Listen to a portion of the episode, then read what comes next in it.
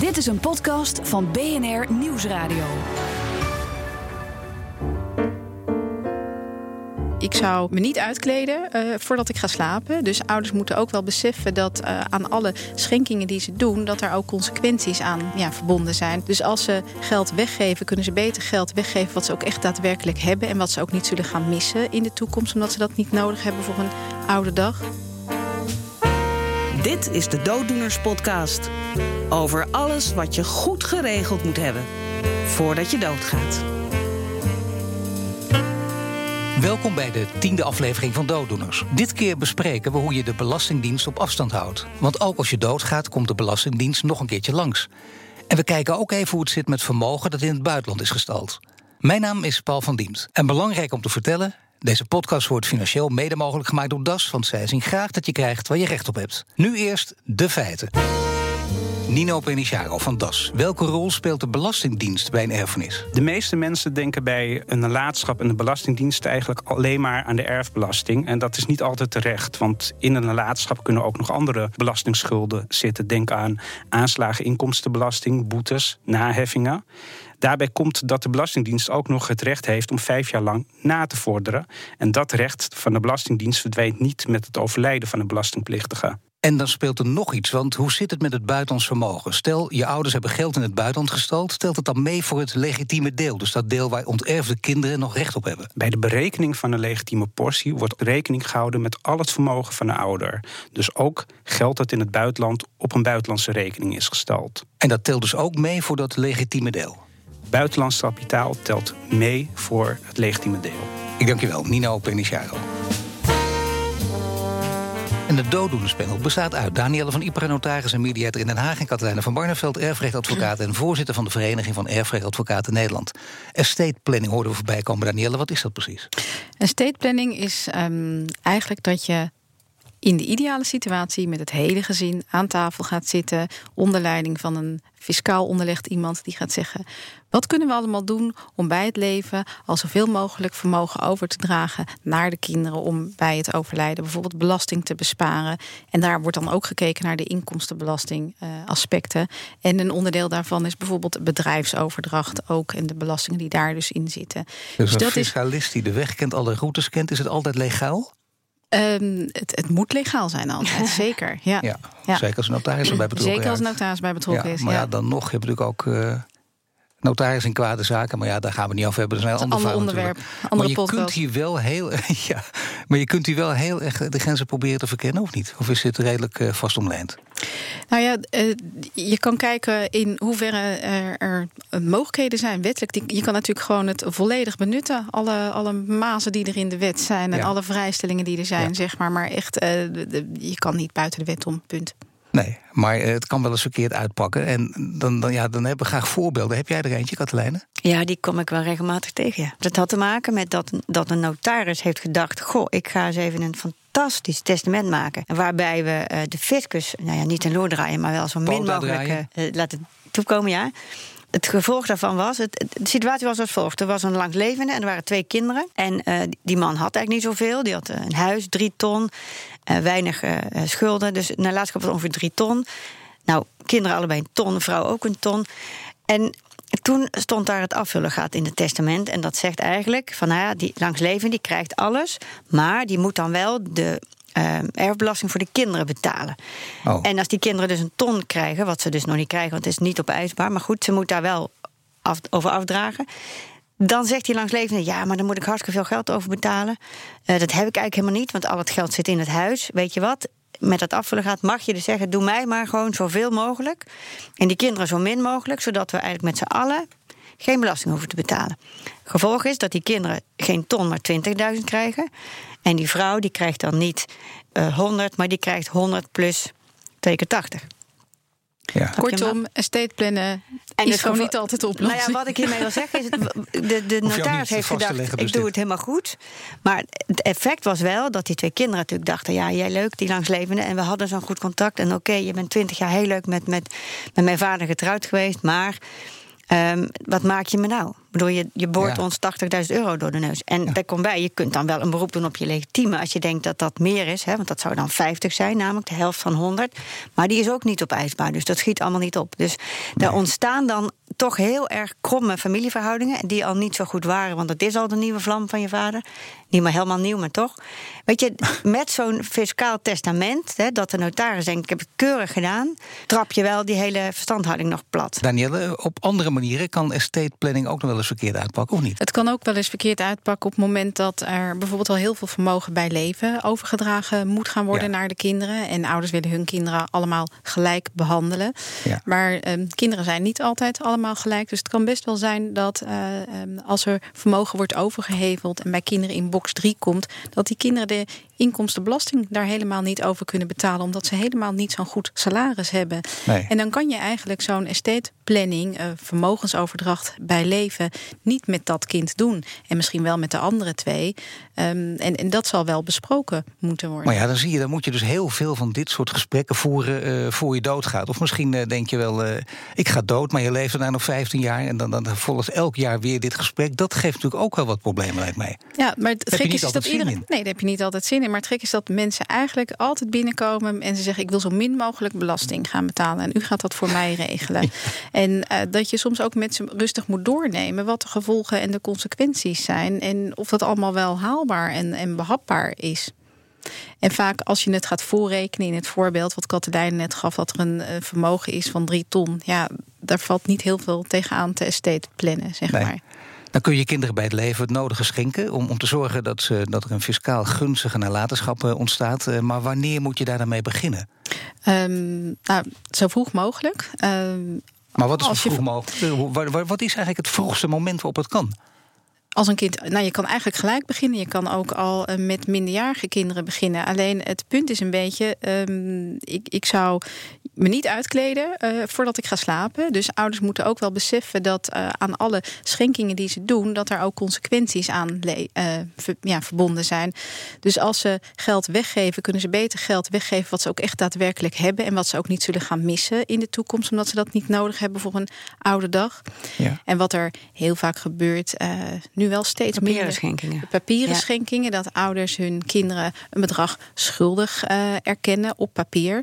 Maar daar moeten ze elk jaar eh, tot hun overlijden 6% rente over betalen. Ja. Dus als je dat tien jaar gedaan hebt, dan kan dat bedrag dat je aan rente aan je kinderen moet betalen wel behoorlijk oplopen. En als je dat straks niet meer kan betalen van je pensioen met je AOW. Als het goed is, heb je dat toch al elk jaar betaald dan? Als het goed is, heb je het betaald. Maar als het op een gegeven moment niet haalbaar is, Ja. eh, dan kan je ook niet meer verder gaan Dus schenken. je denkt van tevoren dat je dat wel kan doen, maar na vijf jaar komt er een financiële kink in de kabel, wat natuurlijk Ja. kan, en dan kun je Ja. niet meer betalen. Daar moet je natuurlijk op letten, ja. Als je het eh, een beetje naast elkaar zet, en ik denk dat je daar kun je overigens ook nog een hele, hele serie over maken, maar wat zijn de handige giften en wat zijn minder gunstige giften? Als je daar een onderscheid in maakt, want jullie op basis van, van de praktijk die jullie langs zien komen. Ik vind de meest handige giften zijn de giften die je gewoon echt kan doen. Dus die je kan missen. Dus de jaarlijkse vrijstellingen. Dat zijn de giften die je kan doen. Giften in de vorm van een huis schenken en dergelijke. Dat zit vaak veel complexer in elkaar. En eh, daar zijn veel meer haken en ogen Ja, de aan. materiële giften. En vooral omdat je dan bij die andere kinderen waar je dat huis dan nog niet aan geeft, ehm, ja, creë- eh, zaai je toch wel kwaad bloed vaak. En je hoort natuurlijk dat mensen hun vermogen in een stichting stoppen of willen stoppen, zodat de kinderen daaruit kunnen worden betaald. Kan dat ook? Nee. Nee? Nee, wij kennen niet in Nederland zoiets Trust. als een trustfiguur, zeg maar. Ja. Er zijn wel familiestichtingen of eh, nou, bepaalde stichtingen op te richten. Maar stichting moet altijd een doel hebben. En de stichting is niet van help mijn kind de winter door, zeg maar. Ehm, Nee, maar daar kun je dan toch eh, iets, iets handigs van maken. Mm, Ja, je zou, maar dan moet je het verbinden aan een doel. Dus je zou bijvoorbeeld geld in een eh, stichting kunnen stoppen voor een bepaald als een soort studiefonds. Maar dan kan het ook alleen daarvoor uitgekeerd worden. Dus op het moment dat Maar een daar kun je kind toch een dan niet algemeen studiefonds van maken. En dan is het wel alleen voor het kind bedoeld. Maar eh, je zegt dat de stichting bedoeld is voor, eh, voor iedereen. voor iedereen. ja, maar dat, dat is dan dus niet. eh, Maar zo werkt dat Je niet. kunt je afvragen wat dan het nut van die stichting is. Ja, kan je het gewoon beter gelijk, gelijk geven of onder bewind stellen en dat het Ja. mondjesmaat vrijkomt, zeg maar. Dus Maar ik dat, hoorde het woord eh, trust al voorbij komen. En misschien dat we daar even moeten gaan toespitsen. Want uh, luisteraar Rob eh, die kreeg na het overlijden van zijn vader... op een, op een vervelende manier te maken met vermogen dat in het buitenland was gestald. Mijn vader was ondernemer en hij had bedrijven zowel in Nederland als ook in het buitenland. En eh, dat heeft, eh, heeft hij 40 jaar gehad.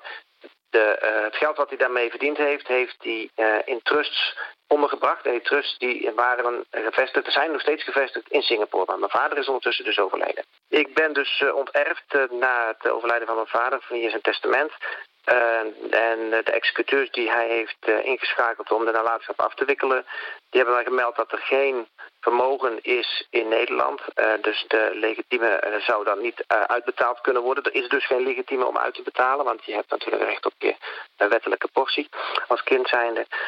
maar ik, had dus, ik wist dus dat er trusts waren in Singapore en heb dat aangekaart bij de executeurs. En die zeiden in eerste instantie dat het er niet was.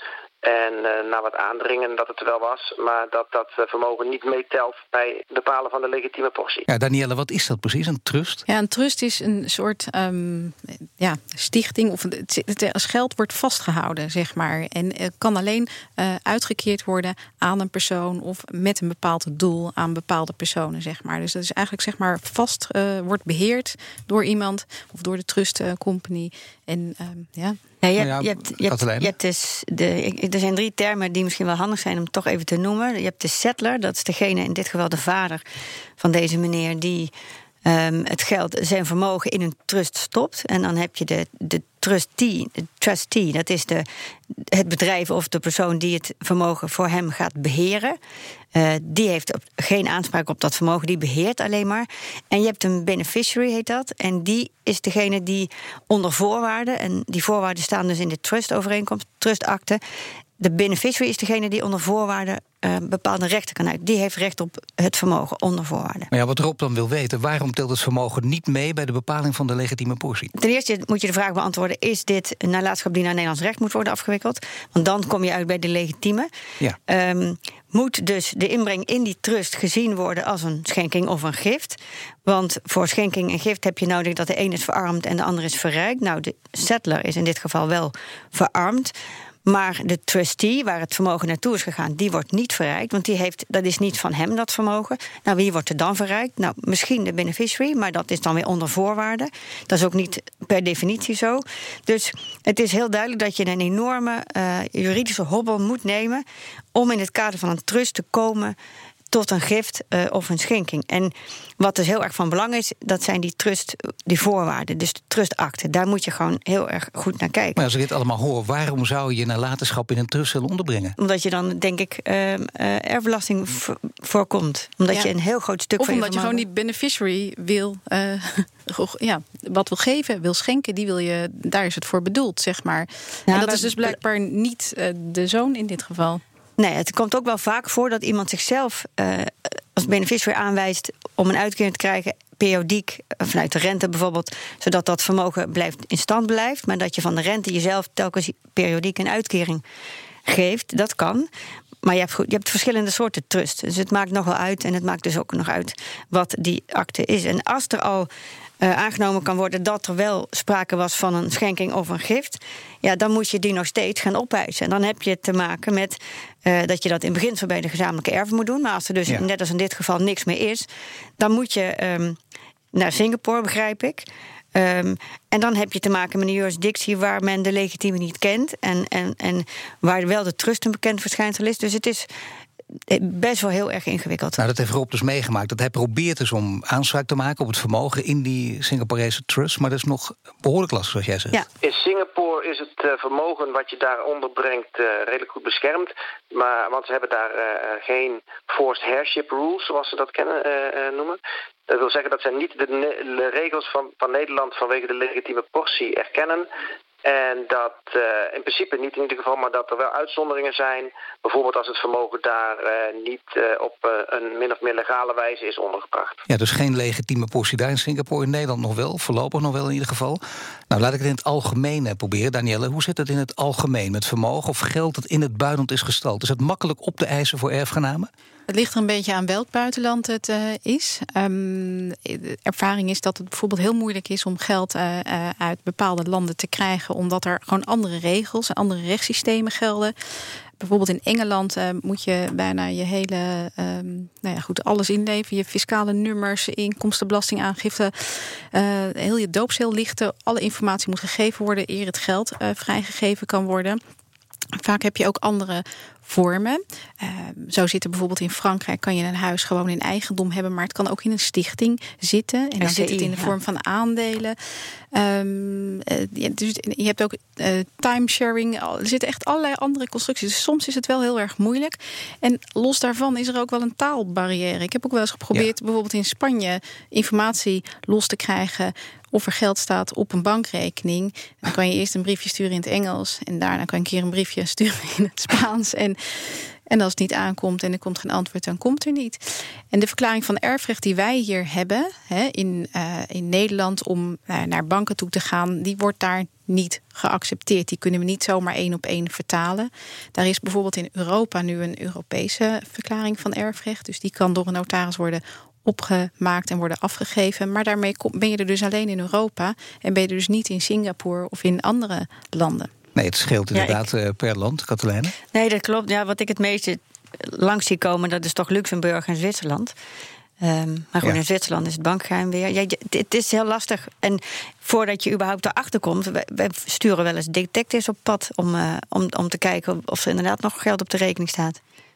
Nu zijn buitenlands vermogen, zou je kunnen zeggen, uh, bijna altijd, waar ze ook gestald zijn, vooral vervelend voor de onterfde kinderen. Ja, omdat die worden verzwegen soms hè, voor de uh, onterfde kinderen. En de erfgenamen weten soms wel dat daar nog geld staat. De legitimarissen vaak niet, die zijn er ook vaak niet meer bij betrokken. Maar zij moeten aantonen dat daar nog vermogen staat. Dus het is wel moeilijk om iets aan te tonen als je niet weet waar je het moet zoeken. Katelijne, jij had in je eigen praktijk een onterfde dochter... waarvan de vader geld had gestald in Zwitserland. Waarom is dat zo nadelig voor dat onterfde kind? Jij krijgt als onterfd kind geen informatie. Dus als jij bij die bank in Luxemburg aanklopt... Eh, ook al weet je naam van je vader... enkele zin dus krijg jij geen informatie van. Nee. Dus jij moet bij de erfgenamen aankloppen en die kunnen dat ook uh, ontkennen. Ja, dus ik, ik kan bijna concluderen in dit geval. Uh, vaak helpen een advocaat en notaris. Uh, Danielle, maar in dit geval is er geen helpen meer aan. In dat geval is er denk ik geen help aan. Maar het kan ook zijn dat er gewoon goudstaven in een kluisje liggen. En die oh, vader ja. gewoon al die tijd ook voor de Nederlandse fiscus uh, um, ja, verborgen ja. heeft gehouden. Ja. En, en niet meegedaan heeft aan de inkierregeling om alle gelden weer op te geven. Nou ben ik natuurlijk heel naïef, want ik denk ook dat komt alleen in de film voor. Maar ook dit gebeurt dus heel nee, vaak. dat komt ook voor. Goudstaven en, dus, ook? Goudstaven, ja. Toen Toch, ik net hè? begon in het notariaat... Zo niet zo dat is lang echt een fantastisch verhaal. Ja, is het net. Ja. Nee, dus dat ja. kan. En, en wat dan? Want je hebt als erfgename dan, hè, als de relatie goed is, ook wel de verplichting om dat dan weer op te geven. En dan kunnen er ook bijvoorbeeld enorme naheffingen van inkomstenbelasting nog uh, komen, zowel in het buitenland als in het. Uh, in Nederland. Ja, ja maar, je, maar je, moet, nou ja, je kunt die erfgenaam natuurlijk wel dwingen om informatie te verstrekken. Als jij een ja. bankrekening weet of een bank en een naam, dan kan je die erfgenaam wel dwingen om daar informatie over te ja, verstrekken. Maar dan gaat het weer, tuurlijk. Maar dit wordt dan het hele lange proces waar je steeds toch ook de advocaat bij nodig hebt en wat ook weer jaren kan duren, dan of niet? Ja, ja, daar kan ik ja. niet omheen. Ja. Nou ja, nee, maar dat, weet maar dat heeft meer met die weigerachtige erfgenaam te maken dan met die legitimaris die uh, wil krijgen waar die recht op heeft. Heel veel hierover te zeggen over dit onderwerp. Daarom is dit voorlopig, zeg ik met nadruk, de laatste aflevering van Dooddoeners. Dat betekent dus niet dat we erover uitgepraat zijn. We hopen op nog een serie. Hou het in de gaten en bedankt voor het luisteren. En natuurlijk heel veel dank het Dooddoenerspanel bestaande uit Katelijne van Barneveld, erfrechtadvocaat en voorzitter van de Vereniging van Erfrechtadvocaten Nederland. En Danielle van Iperen, notaris en mediator in Den Haag. Dankjewel.